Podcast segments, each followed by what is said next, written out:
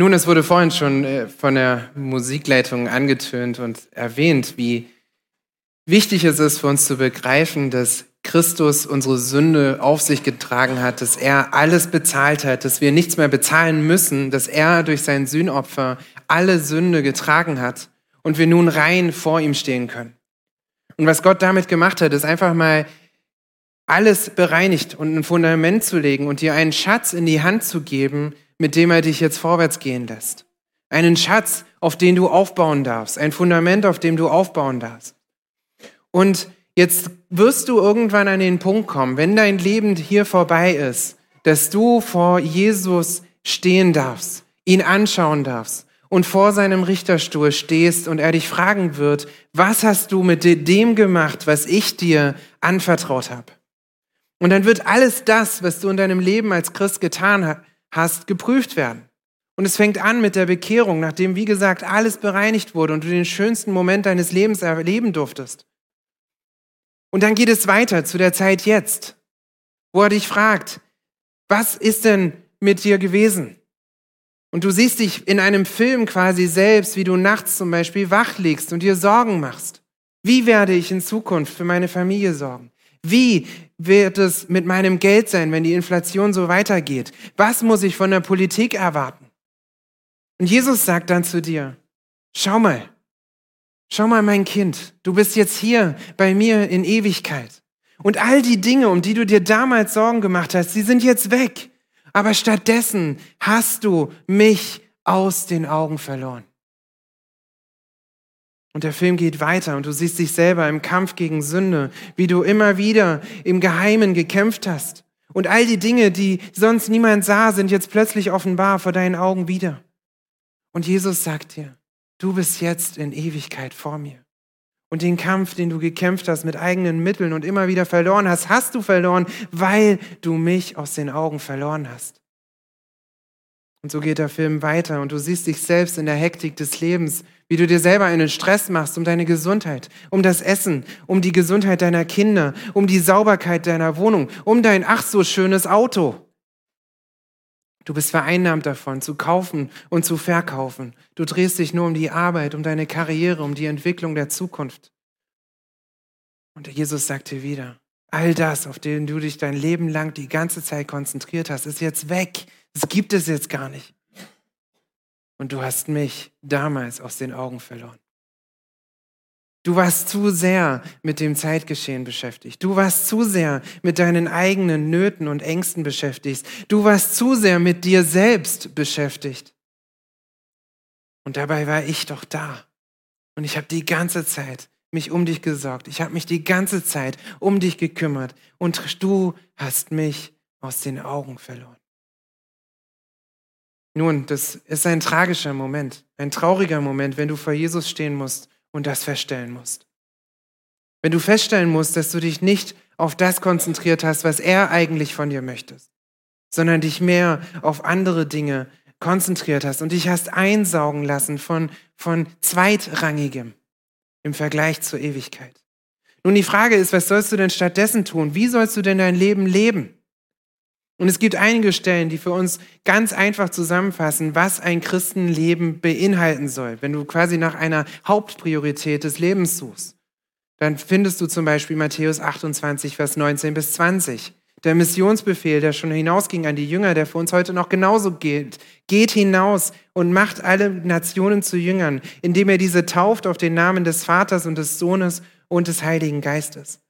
Oder eine andere Stelle, 1. Petrus 2, Vers 9, wo Petrus die Christen erinnert, ihr seid ein auserwähltes Geschlecht mit einem Ziel, nämlich die Tugenden dessen zu verkündigen, der euch aus der Finsternis zu seinem wunderbaren Licht berufen hat. Oder Epheser 2, Vers 10, wo Paulus erinnert, ihr seid Gottes Schöpfung in Christus geschaffen zu guten Werken, die Gott so vorbereitet hat, damit wir in ihnen wandeln sollen. Also die Wahrheit, die wir immer wieder in der Bibel finden, ist diese Tatsache, du bist jetzt Gottes Kind. Und als Gottes Kind gehörst du nicht mehr dich selbst, sondern dein Ziel ist es, für ihn zu leben, ihn zu verkündigen, den Blick auf ihn zu richten. Und eins vor ihm stehen zu können und es deutlich wird, dass du ihn nicht aus den Augen verloren hast. Und das ist es auch, auf das 2. Johannes, ein kurzer Brief, sich konzentriert. Es geht ihm genau darum, dass auch du die Hauptpriorität deines Lebens nicht verpasst. Denn diese eine Hauptpriorität, die du hast, ist Jesus Christus. Und die Aufforderung deshalb an dich heute, behalte Jesus Christus an erster Stelle. Und wenn wir 2. Johannes anschauen, dann werden wir sehen, dass es ein Brief ist, oder die Kirchengeschichte macht uns das deutlich, dass dieser Brief im ersten Jahrhundert geschrieben wurde. Als Johannes diesen Brief schrieb, war er der letzte lebende Apostel. Also quasi der letzte, der Jesus wirklich von als Person auf dieser Welt gesehen hat. Gleichzeitig im ersten Jahrhundert ist immer noch Rom an der Macht. Die Bedrohung von möglicher Christenverfolgung ist hoch. Politische Atmosphäre ist dementsprechend angespannt und unsicher. Und jetzt kommt zu allem Überfluss auch noch der Zeitpunkt, wo ihr Lehrer anfangen, sich in die jungen Gemeinden hineinzuschleichen. Und diese Irrlehrer wurden später bekannt als Gnosis. Also wir sind in einer, einer, einer Atmosphäre, in der Gemeinden unsicher sind. Sie haben Angst. Sie sehen sich bedroht. Und jetzt sehen wir in 2. Johannes, was Paul, äh, Johannes einer solchen Gemeinde zu schreiben hat. Nun, es ist ein ganz kurzer Brief, den wir innerhalb einer Minute durchlesen können. Und die meisten von euch haben das wahrscheinlich in ihrer stillen Zeit an den ersten Johannes rangehängt und an dritten und Johannes und Judas auch noch gleich mitgelesen, dass ihr dann schon gleich wieder vergesst, worum es überhaupt in diesem Brief geht. Aber nichtsdestotrotz, dieser kleine Brief ist voll von tiefgründigen Wahrheiten, die wir verstehen müssen. Und um des Zusammenhangs willen möchte ich auch den ganzen Brief mit euch lesen. Wir lesen die ersten Versen, die ersten sechs Verse in 2. Johannes, also ganz am Ende eurer Bibel, 2. Johannes. Der Älteste der auserwählten Herren und ihren Kindern, die ich liebe in der Wahrheit. Und nicht ich allein, sondern auch alle, die die Wahrheit erkannt haben, um der Wahrheit willen, die in uns bleibt und mit uns sein wird in Ewigkeit. Mit uns wird sein Gnade, Barmherzigkeit, Friede von Gott, dem Vater und von Jesus Christus, dem Sohn des Vaters in Wahrheit und Liebe. Ich habe mich sehr gefreut, dass ich von deinen Kindern einige gefunden habe, die in der Wahrheit wandeln, wie wir von dem Vater ein Gebot empfangen haben. Und nun bitte ich dich, Herrin, nicht als schriebe ich dir ein neues Gebot, sondern das, welches wir von Anfang an gehört haben, dass wir einander lieben. Und dies ist die Liebe, dass wir nach seinen Geboten wandeln. Dies ist das Gebot, wie ihr es von Anfang an gehört habt, dass ihr darin wandeln sollt. Das mal fürs Erste. Also Johannes spricht hier zu einer, er nennt sie Herren und ihre Kinder. Und er redet hier viel von Wahrheit und von Liebe. Nun, es gibt Ausleger, die das verschieden auslegen. Meine Auffassung dessen, so wie Johannes hier schreibt, ist, dass er hier an eine Gemeinde schreibt. Eine Gemeinde mit ihren Kindern, mit ihren Mitgliedern. Und Johannes spricht hier jetzt viel von der Wahrheit und macht deutlich, dass die Wahrheit alleine in Jesus Christus, der Person Jesus Christus, fundiert ist. Und diese Wahrheit ist es, also diese Erkenntnis von Christus und dem, was er ist, ist es, die zu einer Liebe führt. Einer Liebe, die nur durch die Wahrheit ermöglicht ist und die die Basis von Beziehungen in der Gemeinde sein soll. Also diese Wahrheit ist es, die zu engster Gemeinschaft führt und der einzige gemeinsame Nenner ist, die jetzt diese Leute zusammenbringt. Die Frage also, die immer wieder auch Gemeinden sich stellen müssen, ist, was ist es, das uns Sonntag für Sonntag zusammentreibt? Was ist es, das uns in die Gemeinschaft zwingt? Was ist es, weshalb wir Zeit miteinander verbringen wollen? Und Johannes macht deutlich, es sollte die Wahrheit von Jesus Christus sein, die ein für alle Mal überliefert ist. Und genau dort, an diesem Punkt, knüpft jetzt der Abschnitt, den wir uns heute anschauen möchten, an nämlich darin, dass Christus allein die Basis biblischer Gemeinschaft und biblischer Liebe ist. Und so wenden wir uns jetzt dem Predigtext zu, den Versen 7 bis 13. Und genau darin sehen wir dann jetzt den Grund, die Gründe, besser gesagt, warum diese Wahrheit von Christus, die er in den ersten sechs Versen beleuchtet hat, warum die so wichtig ist. Und warum es so wichtig ist, dass du an dieser Wahrheit von Christus festhältst. Und so lasst mich nun mit euch die Verse 7 bis 13 lesen. Dort lesen wir also, denn viele Verführer sind in die Welt hinausgegangen, die nicht Jesus Christus im Fleisch gekommen bekennen. Dies ist der Verführer und der Antichrist. Seht auf euch selbst, damit ihr nicht verliert, was wir erarbeitet haben, sondern vollen Lohn empfangt. Jeder, der weitergeht und nicht in der Lehre des Christus bleibt, hat Gott nicht. Wer in der Lehre bleibt, der hat sowohl den Vater als auch den Sohn. Und wenn jemand zu euch kommt und diese Lehre nicht bringt, so nehmt ihn nicht ins Haus auf und grüßt ihn nicht. Denn wer ihn grüßt, nimmt teil an seinen bösen Werken. Obwohl ich euch vieles zu schreiben habe, wollte ich es nicht mit Papier und Tinte tun, sondern ich hoffe, zu euch zu kommen und mündlich mit euch zu reden, damit unsere Freude vollkommen ist. Es grüßen dich die Kinder deiner auserwählten Schwester. Nun, der erste Grund, den Johannes hier gibt, warum die Wahrheit von Christus so wichtig ist, ist, damit du Verführung erkennst. Und so schreibt er ja in Vers 7, denn viele Verführer sind in die Welt hinausgegangen. Also er hat ihnen deutlich gemacht, ihr müsst euch in der Liebe üben, die ihr in Jesus Christus habt, in der Gemeinschaft, die durch Jesus Christus geformt ist, auf dieser Wahrheit alleine gebaut ist, denn es sind Verführer in die Welt hinausgegangen. Johannes macht ihnen deutlich, das ist die wahre Bedrohung, mit der ihr zu kämpfen habt. Es ist nicht die römische Regierung um euch herum. Es ist nicht die Möglichkeit von Verfolgung. Es ist auch nicht die Möglichkeit von Unterdrückung, sondern das Hauptproblem, mit dem ihr euch konfrontiert seht, ist die Verführung. Und das ist der Punkt, den wir auch heute noch ganz genauso verstehen müssen. Dass für uns als Christen nicht die Regierung um uns herum, wir haben bei Corona das erlebt, dass sich manche Sorgen gemacht haben, was passiert eigentlich noch mit uns? Es ist nicht der mögliche Verlust von Religionsfreiheit. Es ist nicht der Ausgang von Wahlen oder globalen Entwicklungen, sondern dass die Bedrohung für Gemeinden, für uns als Christen ist Verführung. Und wenn die Bibel von Verführung spricht, dann spricht sie davon, um das zu definieren, jemanden dazu zu bringen, sich zu irren. Das ist die Definition von Verführung. Also jemanden ganz aktiv und bewusst hinters Licht zu führen, jemandem zu einer Sicht zu führen, die entgegen der Wahrheit ist. Und das ist eine Grundeigenschaft, die wir schon bei, bei Satan kennen, in 1. Mose 3.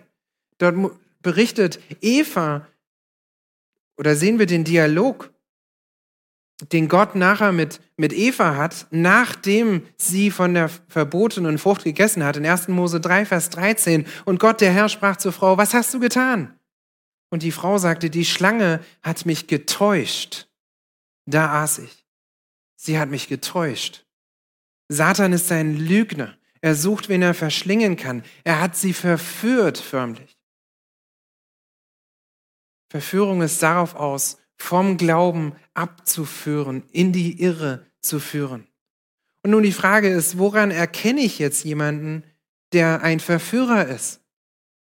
Und die Antwort ist an ihrem Bekenntnis. Das sehen wir wieder in Vers 7, denn viele Verführer sind in die Welt hinausgegangen und jetzt werden sie definiert, die nicht Jesus Christus im Fleisch gekommen bekennen. Und wenn die Bibel hier von Bekennen spricht, dann ist nicht nur einfach ein Lippenbekenntnis gemeint, sondern es bedeutet wörtlich das Gleiche zu sagen.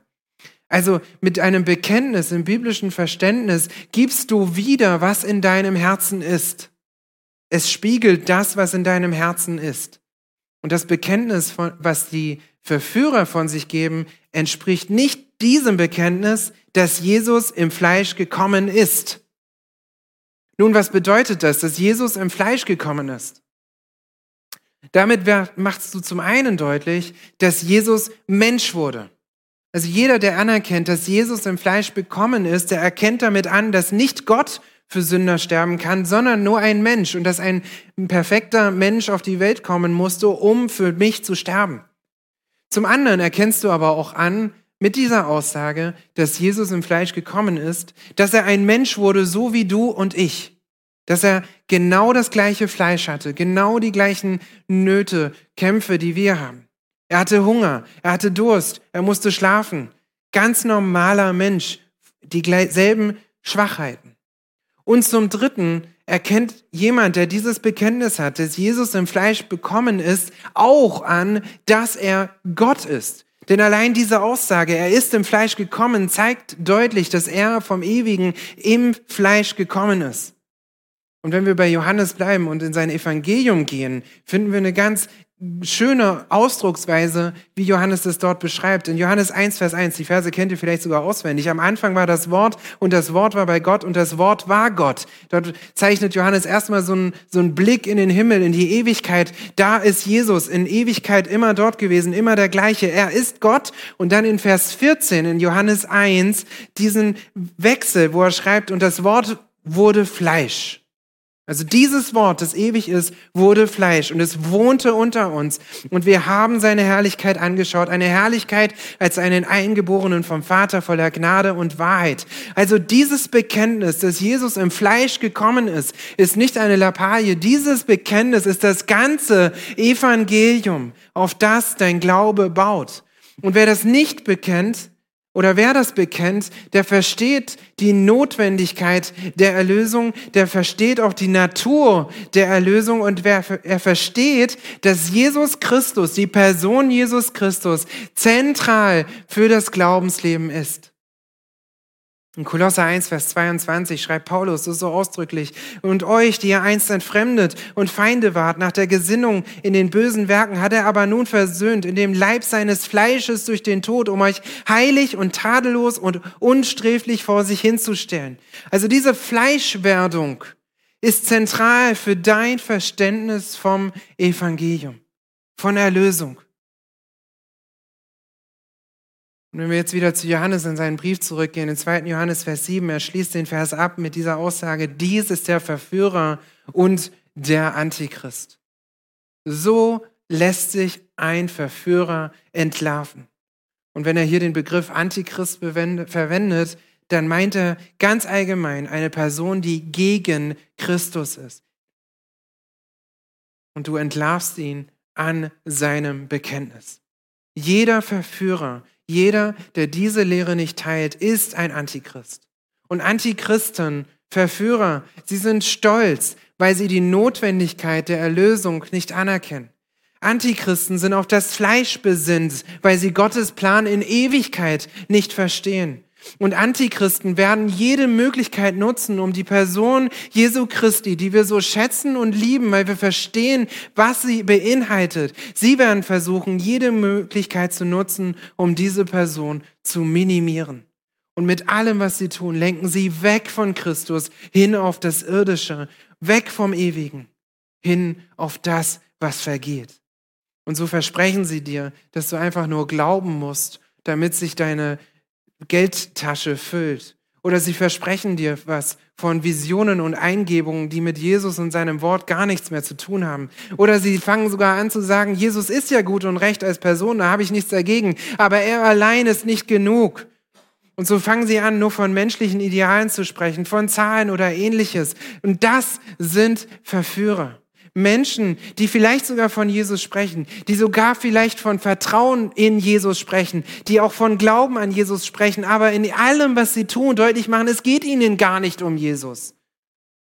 Es geht ihnen nicht um die Rettung von Menschen. Es geht ihnen nicht um die Ehre Gottes. Und das sind diese Verführer, die du erkennen musst, denn diese Verführer sind überall. Du findest sie in der Schule und auf der Arbeit die sich als Christen ausgeben und ihr Leben ein völliges Gegenteil widerspiegelt. Du findest sie leider auch in Gemeinden, denn sie schleichen sich ein und sie versuchen, andere davon abzuführen und sie sehen aus wie echte Christen.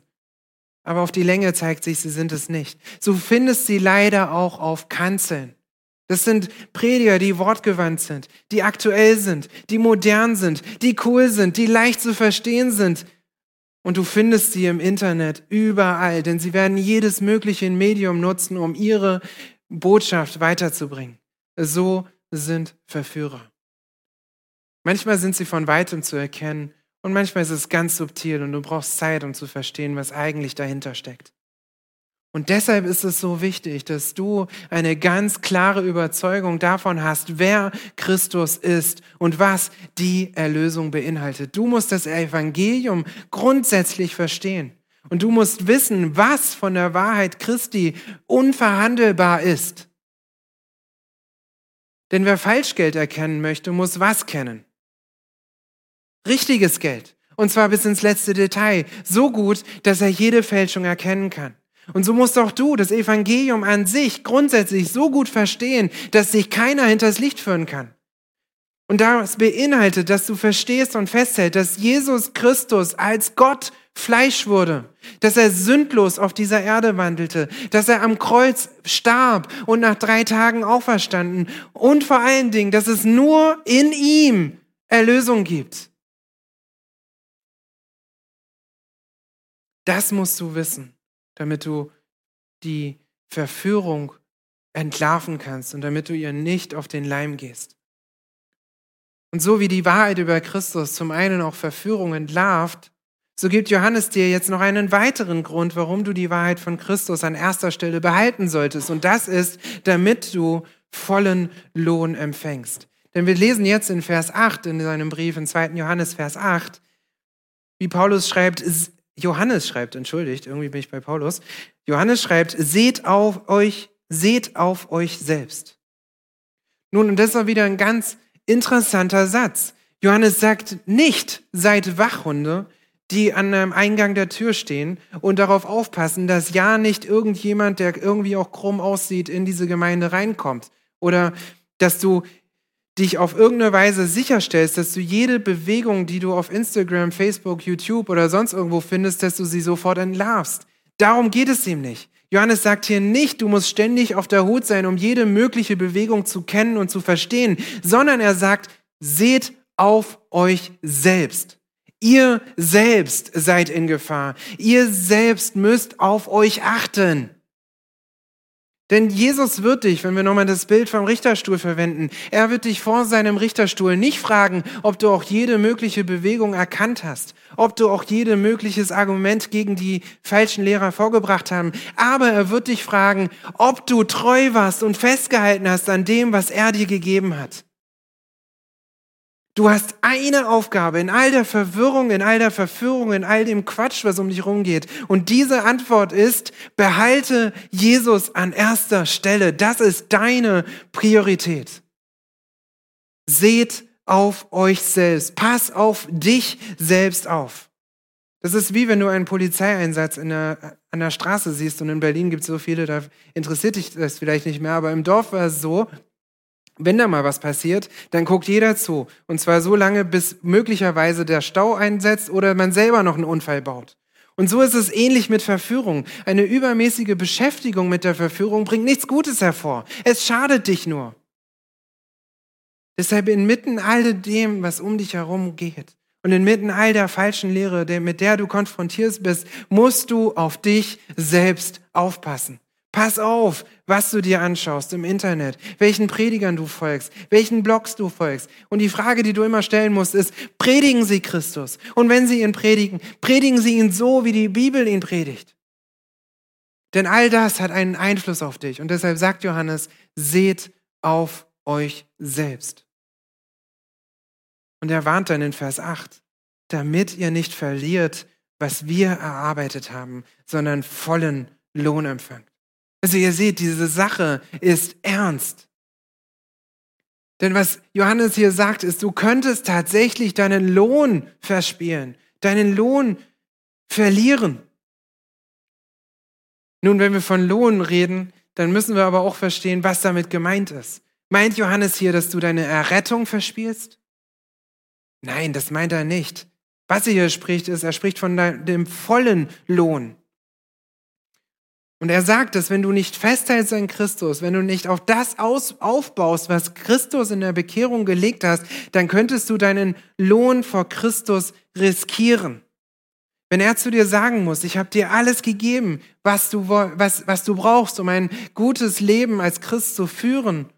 Ich habe dir neues Leben und mein Wort gegeben. Und du hast dich verführen lassen, du hast dich ablenken lassen davon, du hast mich aus den Augen verloren. Diesen Lohn meint er. Und er ist nochmal spezifisch beschrieben in 1. Korinther 3. Das ist eine Stelle, die ihr gerne mal mit mir aufschlagen könnt. In 1. Korinther 3, da spricht Paulus nämlich davon. Ab Vers 10. Am Ende von Vers 10 schreibt er, jeder aber sehe zu, wie er darum, darauf baut. Denn einen anderen Grund kann niemand legen, außer dem, der gelegt ist, welcher ist Jesus Christus. Wenn aber jemand auf den Grund Gold, Silber, kostbare Steine, Holz, Heu, Stroh baut, so wird das Werk eines jeden offenbar werden, denn der Tag wird es klar machen, weil er in Feuer geoffenbart wird. Und wie das Werk eines jeden beschaffen ist, wird das Feuer erweisen. Wenn jemand das Werk bleiben wird, das er darauf gebaut hat, so wird er Lohn empfangen. Wenn jemand das Werk verbrennen wird, so wird er Schaden erleiden. Er selbst aber wird gerettet werden, doch so wie durchs Feuer. Davon spricht Paulus hier. Und ganz wichtig, wie ihr am Ende des Abschnitts seht, er selbst aber wird gerettet werden. Das heißt, seine Errettung ist hier nicht in Frage, aber so wie durchs Feuer. Du bekommst einen Lohn dafür, wie du mit dem Gut, das Christus dir gegeben hat, bei deiner Bekehrung, wie du damit umgehst. Und jetzt ist die Frage, wie gehst du denn damit um? Was beschäftigt dich in deinem Alltag? Was treibt dich an? Bist du bei deiner Arbeit getrieben von diesem Evangelium, von dieser Wahrheit Christi? Bereit, dem Herrn ein gutes Zeugnis zu sein? Bereit, jedem das Evangelium zu geben, der danach lechzt und den du fragst, bist du bereit, Gelegenheiten zur Evangelisation und zu guten Werken zu nutzen, die er dir gibt? Oder bist du nur um dich selbst und deine Karriere besorgt?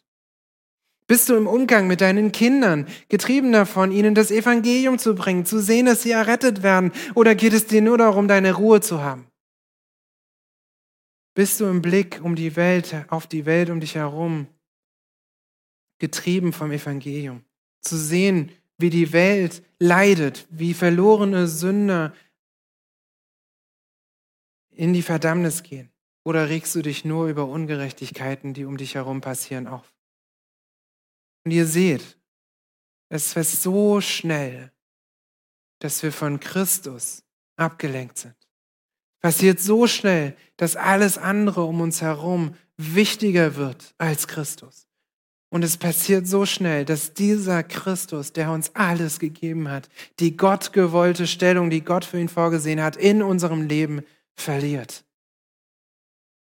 Paulus sagt in Kolosser 2, Vers 8, seht zu, dass niemand euch einfange durch die Philosophie und leeren Betrug, nach der Überlieferung der Menschen, nach den Elementen der Welt und nicht Christusgemäß. Er warnt sie hier. Es ist so viel Gedankenspiele, die sich in der Welt bewegen und die immer wieder auch Gemeinden durcheinander bringen. Und er schreibt dann weiter, denn in ihm wohnt die ganze Füllheit der Gottheit leibhaftig und ihr seid in ihm zur Fülle gebracht. Und was Paulus sagt und auch Johannes hier sagt, ist, Christus ist alles.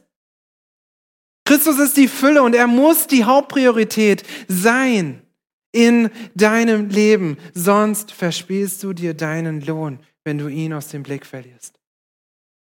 Dann tust du Dinge aus falscher Motivation und du führst dein Leben nicht mit irdischer, mit ewiger, sondern mit irdischer Perspektive und wirst am Ende feststellen, alles war umsonst. Und wenn das der Fall ist und wenn du heute realisierst, ich baue auf dem falschen Fundament, ich mache die falschen Sachen, dann musst du umkehren. Und es ist noch nicht zu spät. Es ist Raum zur Buße, zu Christus zu gehen und ihn um Vergebung zu bitten und umzukehren und es zu ändern. Nun, Johannes schreibt weiter in 2. Johannes ab Vers 9, jeder, der weitergeht und nicht in der Lehre des Christus bleibt, hat Gott nicht. Wer in der Lehre bleibt, der hat sowohl den Vater als auch den Sohn. Und diese Worte, die Johannes hier benutzt, die sind wunderbar. Ich liebe sie. Er spricht hier von weitergehen, von vorauseilen. Im Gegensatz zu dem, was ein Christ tun sollte, nämlich zu bleiben. Also er macht deutlich, ein ganz konservativ, ganz traditionelles, wenn man so will, ganz traditionelles Wesen, ganz beständig. Und im Gegensatz dazu zeichnen sich jetzt Verführer aus durch ein Weitergehen. Sie zeichnen sich aus durch Fortschritt, durch Entwicklung, durch Optimierung. Nun, und das können wir ja eigentlich ganz gut verstehen. Wenn ich dir jetzt nämlich die Möglichkeit gebe, und ich hätte hier zwei iPhones, ich würde das uralte erste iPhone in der Hand halten und in der anderen Hand das iPhone 13. Welches würdest du wählen? Es gibt immer wieder welche, die mir diesen die mir, das, die mir da in die Quere kommen. Aber die meisten würden das iPhone 13 nehmen, richtig? Oder mit einem alten Auto. Auch da weiß ich, gibt es Liebhaber. Aber Sagen wir mal, ich habe einen alten, klapprigen, rostigen Wagen, der kaum fährt und ich gebe dir eine Mercedes E-Klasse als Alternative. Welchen würdest du wählen? Hoffentlich die E-Klasse. Also, wir sind normalerweise so gestrickt, dass wir auf Fortschritt aus sind, richtig? Neuer ist besser, Optimierung ist immer gut, Entwicklung ist gut, damit leben wir und das ist völlig normal. Aber das ist nicht normal, wenn es um die Sachen des Glaubens geht. Und das macht Johannes hier deutlich. Wir leben in einer Welt des Fortschritts, aber nicht, wenn es um Christus geht. Christus ist ein für alle Mal der gleiche bis in Ewigkeit. Da ändert sich nichts. Und wer nun über Christus hinausgeht und denkt, er muss an der Lehre schrauben und noch irgendwas verändern und noch irgendwas besser machen, der reduziert Christus. Der optimiert ihn nicht, er macht ihn nur noch kleiner. Und so sagt ein Kommentator, das ist mir so ganz mit ganz guten Worten, er sagt, diese waren so weit fortgeschritten, dass sie Gott hinter sich gelassen haben. Das ist das Problem eines Verführers. Er denkt, er muss irgendwo schrauben und vergisst dabei, worum es eigentlich geht. Und deshalb müsst ihr aufpassen, wenn Theologen, Prediger, Lehrer von Fortschritt oder Erneuerung in der Lehre sprechen. Es gibt solche, die, die das machen, die entdecken irgendeine neue Lehre, die es irgendwo noch nie gegeben hat, aber sie haben es irgendwie gefunden. Das ist gefährlich, da ist irgendwas faul. Oder wenn es Theologen und Prediger gibt, die von Erneuerung sprechen und versuchen, das Verständnis auf Kosten der Lehre zu revolutionieren. Oder Gemeinden, die auftreten und sagen, Kirche neu erleben. Oder andere Pastoren, die sagen, nur weil etwas in der Bibel steht, glaube ich es doch nicht automatisch. Oder sie sagen, dass in der Bibel so viel absurdes Zeug steht, das kann man nicht einfach unhinterfragt lassen. Das ist vielleicht modern und cool und passt in den Zeitalter, aber diese Menschen haben nichts mehr mit dem Glauben zu tun, den der uns überliefert wurde. Sie haben nichts mehr mit Christus zu tun. Sie bauen auf einem Fundament der säkularen Welt, auf das Fundament des Fleisches und sie verstehen das Evangelium nicht. Und das ist ganz entscheidend. Sie verstehen das Evangelium nicht. Sie brauchen es noch. Und so sagt Johannes jetzt weiter. Sie haben weder den Vater noch den Sohn. Diese Menschen sind faktisch Atheisten. Das, was sie produzieren, diesen Gott, den sie produzieren, den gibt es nicht. Nun, was ist deine Verantwortung nun, um den vollen Lohn zu empfangen? Ganz einfach, in der Lehre bleiben. Nicht nachlassen im Verständnis von Christus. Nicht zu versuchen, Christus neu zu interpretieren. Nicht zu versuchen, sein Wort irgendwie neu zu interpretieren. Und nicht zu versuchen, sich der Zeit um uns herum anzupassen. Bleibe in der Lehre. Und so ermahnt Paulus den Timotheus in 2. Timotheus 3, Vers 14. Du aber bleibe in dem, was du gelernt hast. Und Timotheus hatte eine Großmutter, sogar schon, die ihn im Glauben unterrichtet hat. Bleibe bei dem, was schon deine Großmutter geglaubt hat. Bleibe bei dem, was du gelernt hast und wovon du völlig überzeugt bist, da du weißt, von wem du es gelernt hast. Es ist ein für alle Mal überliefert und daran ändert sich in Jahrhunderten nichts. Es ist keine Tugend, es zu verändern. Es ist eine Tugend, dabei zu bleiben, was uns überliefert wurde. Und so wird die Gemeinde von Philadelphia in Offenbarung gelobt dafür, in Offenbarung 3, Vers 8, ich kenne deine Werke. Siehe, ich habe eine geöffnete Tür vor dir gegeben, die niemand schließen kann, denn du hast eine kleine Kraft. Und du hast mein Wort bewahrt und hast meinen Namen nicht verleugnet. Es ist Treue, die zählt. Das mag unattraktiv und das mag uncool sein heute, aber es bringt vollen Lohn in der Ewigkeit. Und wenn dir heute Gottes Wort langweilig wird, wenn dir Gottes Wort in einer Form zu rabiat, zu extrem, zurückgeblieben erscheint, dann bewegst du dich auf gefährlichem Boden. Deshalb kämpfe dafür, dass du dieses reiche Gut, das du ein für alle Mal bekommen hast, dass du es bewahrst, dass du es studierst, dass du es kennenlernst und verstehst, du hast in Christus die absolute Fülle. Mehr brauchst du gar nicht. Deshalb erkenne ihn einfach noch mehr, suche ihn noch mehr. Und fang nicht an, irgendwelche Sachen reinzutragen, die nichts damit zu tun haben. Das ist wie wenn du ein Kind einen Sandkasten gibst und denkst, du schippst noch ein bisschen Dreck von außen rein rein. Katzenkot und was es noch so gibt. Ne? bleibe einfach bei dem, bleibe bei dem Evangelium, bei dem, was alles ein für alle Mal überliefert wurde. Behalte ihn an erster Stelle und du wirst vollen Lohn empfangen. Und so gibt Johannes dir jetzt noch einen dritten Grund, warum du Christus an erster Stelle halten solltest. Und der Grund ist, damit du weißt, wem du angehörst. In Vers 10 lesen wir, wenn jemand zu euch kommt und diese Lehre nicht bringt, so nehmt ihn nicht ins Haus auf und grüßt ihn nicht. Na, das ist meine harte Aussage. Nehmt ihn nicht auf und grüßt ihn nicht? Heißt das etwa, ich darf nur Gläubigen, nachdem ich mit ihnen mein Glaubensbekenntnis durchgegangen bin, darf ich ihnen erst dann Gastfreundschaft anbieten? Was ist hier gemeint? Nun, wir müssen verstehen, dass zu der Zeit, als Johannes schrieb, Gastfreundschaft eine ganz andere Bedeutung hatte, als sie in unserem Kontext heute ist. Denn Menschen hatten lange Wege auf sich zu nehmen und sie waren darauf angewiesen, dass jemand sie beherbergt. Und in diesen Regionen, wo sie dann unterkamen, ändert, waren sie, solange sie als Fremde galten, ohne irgendwelche Rechte. Sie hatten nichts zu melden, sie, es, es konnte ihnen unter Umständen auch schlecht gehen. Das heißt, erst dann, wenn jemand sich entschied und sie aufnahm, dann änderte sich ihr Status von Fremd zu Gast und dadurch ging es ihnen sozusagen besser. Ein Kommentator schreibt, Fremde hatten weder nach dem Gesetz noch nach den Gepflogenheiten ein Ansehen und brauchten daher einen Schutzherren in der Gemeinschaft, die sie besuchten.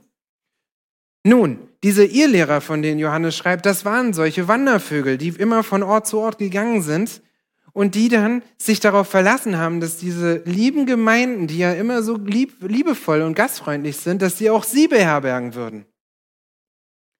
Und dann, wenn Paul, äh, Johannes hier dann noch von einem Gruß schreibt, dann meint er einen besonderen Gruß. Das ist nicht nur unser Hallo, wie geht's, sondern es ist ein Segensgruß, der ausdrückt, wir freuen uns aneinander. Der ausdrückt, wir schätzen einander. Und vor allen Dingen, mit dem du sagst, du bist einer von uns. Du gehörst dazu. Und das ist das, was Johannes hier sagt. Wenn ihr das tut, dann tut ihr diesen Verführern gar keinen Gefallen. Denn sie gehören nicht zu uns. Sie sind nicht Teil von uns. Sie brauchen das Evangelium noch. Und deshalb schreibt Johannes in Vers 11, denn wer ihn grüßt, nimmt teil an seinen bösen Werken. Und dieses Wort nimmt teil kann man auch mit Partnerschaft übersetzen. Du befürwortest mit deinem Handeln das Tun des Verführers. Und du bist dadurch einer von ihnen. Jetzt können wir auch das verstehen, was Paulus sagte in 2. Korinther 6, Vers 14. Geht nicht unter fremdartigen Joch mit Ungläubigen, denn welche Verbindung haben Gerechtigkeit und Gesetzlosigkeit oder welche Gemeinschaft Licht mit Finsternis? Also Johannes macht deutlich, wenn du diese Wahrheit von Christus festhältst und wenn du verstehst, was es bedeutet, wenn du verstehst, was es, dieses Bekenntnis bedeutet, das ein Gläubiger mindestens haben muss, dann weißt du auch, wem du angehörst. Und diese Wahrheit von Christus, die du dann hast, die wird auch deinen Umgang mit Ungläubigen beeinflussen. Es heißt nicht, dass du sie immer vor, dass du ihnen die Tür vor der Nase zuknallen musst. Darum geht es nicht. Aber du wirst sie nicht behandeln wie deine besten Freunde. Denn du wirst immer verstehen, sie, ihnen fehlt noch Christus. Du gibst ihnen auch nicht den Eindruck, zwischen euch sei alles okay, denn ihnen fehlt Christus. Und du hast die Möglichkeit, ihnen zu helfen, zu sehen, ich bin von Christus regiert. Und ich möchte, dass du das genauso erfährst. Aber du bist noch nicht da. Und deshalb lass in deiner Beziehung zu Ungläubigen deutlich werden, ich behalte Jesus an erster Stelle. Lach nicht über jeden Witz, geh nicht zu jedem Anlass, verbring nicht hauptsächlich Zeit mit ihnen, denn sie vermitteln ein anderes Weltbild, andere Werte, andere Gepflogenheiten und du bist ein Christ. Du bist ein Kind des lebendigen Gottes und das beeinflusst automatisch die, Ver die Verhältnisse zu Ungläubigen.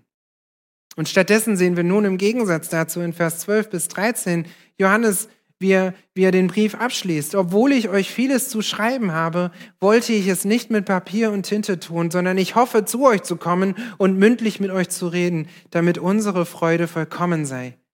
Es grüßen dich die Kinder deiner auserwählten Schwester. Johannes nutzt hier diesen Brief, um seine Anliegen los, loszuwerden, aber er will noch mehr. Er sagt, das reicht nicht. Er will die Freude des Evangeliums, die er hat, in Person mit ihnen teilen. Und wenn hier mündlich steht, dann steht im Griechischen wörtlich von Mund zu Mund. Man kann es auch mit Angesicht zu Angesicht übersetzen. Also er sehnt sich nach einer direkten Kommunikation, ohne irgendein Medium, ganz direkt von Angesicht zu Angesicht. Wir sehen einen ähnlichen Geist auch bei Paulus, wenn er an die Galater schreibt, in Galater 4, Vers 20. Ich wünschte aber, jetzt bei euch anwesend zu sein und meine Stimme zu wandeln, denn ich bin wegen euch im Zweifel. Und was Paulus dort erkannte in seinem Brief und Johannes auch hier in seinem Brief erkennt, ist, dass geschriebene Worte nicht die gleiche Macht haben wie gesprochene Worte. Und Johannes erwartet aber, dass durch die Begegnung mit ihnen seine Freude völlig wird. Und wenn er schreibt, dass seine Freude völlig wird, dann erinnert er es auch an den ersten Johannesbrief, wo Johannes dort den Brief anfängt in den Versen 1, Vers 3 bis, in den Kapitel 1, Vers 3 bis 4 in 1. Johannes, was wir gesehen und gehört haben, verkündigen wir auch euch, damit auch ihr mit uns Gemeinschaft habt. Und was wir gesehen und was wir gehört haben, was er damit meint, ist das Augen, den Augenzeugenbericht von Christus. Das verkündigen wir auch euch, damit ihr auch mit uns Gemeinschaft habt. Und zwar ist unsere Gemeinschaft mit dem Vater und mit dem Sohn Jesus Christus. Und dies schreiben wir, damit unsere Freude vollkommen sein. Also in 1. Johannes hat Johannes auch schon deutlich gemacht, dass die Erkenntnis Christi die Basis von richtiger Gemeinschaft ist. Und diese Gemeinschaft in ihrer engsten Form ausgelebt bringt Freude. Christen sind nicht für ein Solo-Christentum geschafft, geschaffen. Was Johannes hier auch schon mit anerkennt, ist, dass nur gemeinsam der Widerstand gegen Verführung gelingt, gegen falsche Lehre. Und nur gemeinsam schaffen wir es, Christus an der Position zu halten, wo er ist, wo er hingehört, indem wir uns gegenseitig anspornen und uns gegenseitig ermutigen, dieses Ziel zu verfolgen. Und so endet er, es grüßen dich die Kinder deiner auserwählten Schwester. Und hier kommt die Verbundenheit verschiedener Gemeinden heraus. Johannes ist in einer anderen Gemeinde, an einem anderen Ort. Und er nennt sie auserwählte Schwester. Das heißt, alle, die diese Lehre teilen von Christus, sie gehören zusammen. Bibelgemeinde und Eckstein, wir gehören zusammen in einer Lehre. Und wenn du Jesus an der ersten Stelle behältst und wenn du erkennst, dass er die erste Priorität ist, dann wird das auch deinen Umgang mit der Welt um dich herum beeinflussen. Du musst sie nicht meiden. Du musst nicht eine Blase schaffen von nur Christen, in der du dich bewegst. Darum geht es nicht. Aber du wirst dominiert sein von dieser einen Hauptpriorität, nämlich Jesus Christus. Und du wirst stattdessen den Austausch, den Gebet und den Rat in der Gemeinde suchen.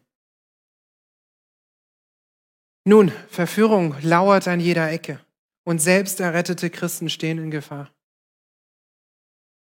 Deshalb behalte Jesus an erster Stelle. Alles muss ihm untergeordnet werden. Alles muss nach ihm eingeordnet werden und alles muss von ihm getrieben sein in deinem Leben, damit du dann wie mit Paulus ausrufen kannst, wie er in 2. Timotheus 4, Vers 7 ausruft, ich habe den guten Kampf gekämpft, ich habe den Lauf vollendet und vor allen Dingen, ich habe den Glauben bewahrt, ich habe an ihm festgehalten, Und meine Hoffnung ist, wenn diese Erkenntnis dich antreibt und dieses Jesus zur Hauptpriorität wird, dass du vor Jesus vor seinem Richterstuhl stehen kannst und er dir zuruft, recht so, du guter und treuer Knecht. Behalte Jesus an erster Stelle. Lass mich beten.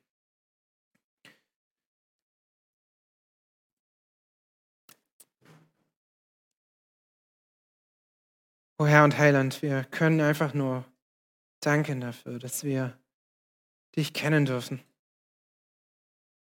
Wir haben es nicht verdient, in irgendeiner Weise dir nahe zu kommen. Wir haben es nicht verdient, von unseren Sünden befreit und erlöst zu werden. Das Einzige, was wir verdienen, ist die ewige Verdammnis. Herr, und zu sehen, wie viel Gutes du uns gibst in diesem Leben, wie viel du uns gegeben hast und mit wie viel du uns ausgestattet hast, um ein Leben zu führen, das dir würdig ist. Er treibt uns in Anbetung und es treibt uns in dieses Verlangen, dir ähnlicher zu werden. Und vor allen Dingen, Herr, treibt es uns dazu, zu verstehen, dass du die erste Priorität sein solltest. Herr, und wir wissen, wie wir alle daran fehlen, wie schnell andere Dinge wichtiger werden und wie schnell wir uns ablenken lassen und wie schnell wir sogar Verführung auf den Leim gehen können. Wir sehen, wie schwach wir sind, Herr, und wir bitten dich heute darum an, dass du wirkst und du uns hilfst und du uns bewahrst und du uns auch als Gemeinden gegenseitig hilfst, uns zu stärken und uns vorwärts zu treiben und uns in dieser einen un dieser Wahrheit, die nicht verändert werden kann, zu bestärken, Herr. Ich bitte dich darum, dass wir auch ein Licht sein können dafür. Nicht dafür, dass wir uns leicht haben überzeugen lassen, sondern dafür, dass wir dir treu geblieben sind bis zum Ende. Herr, wirke das, überführe du, wo Überführung notwendig ist. Bring du zur Buße, wo Buße notwendig ist. Und schenke, dass du über alles hinweg verherrlicht wirst. Amen.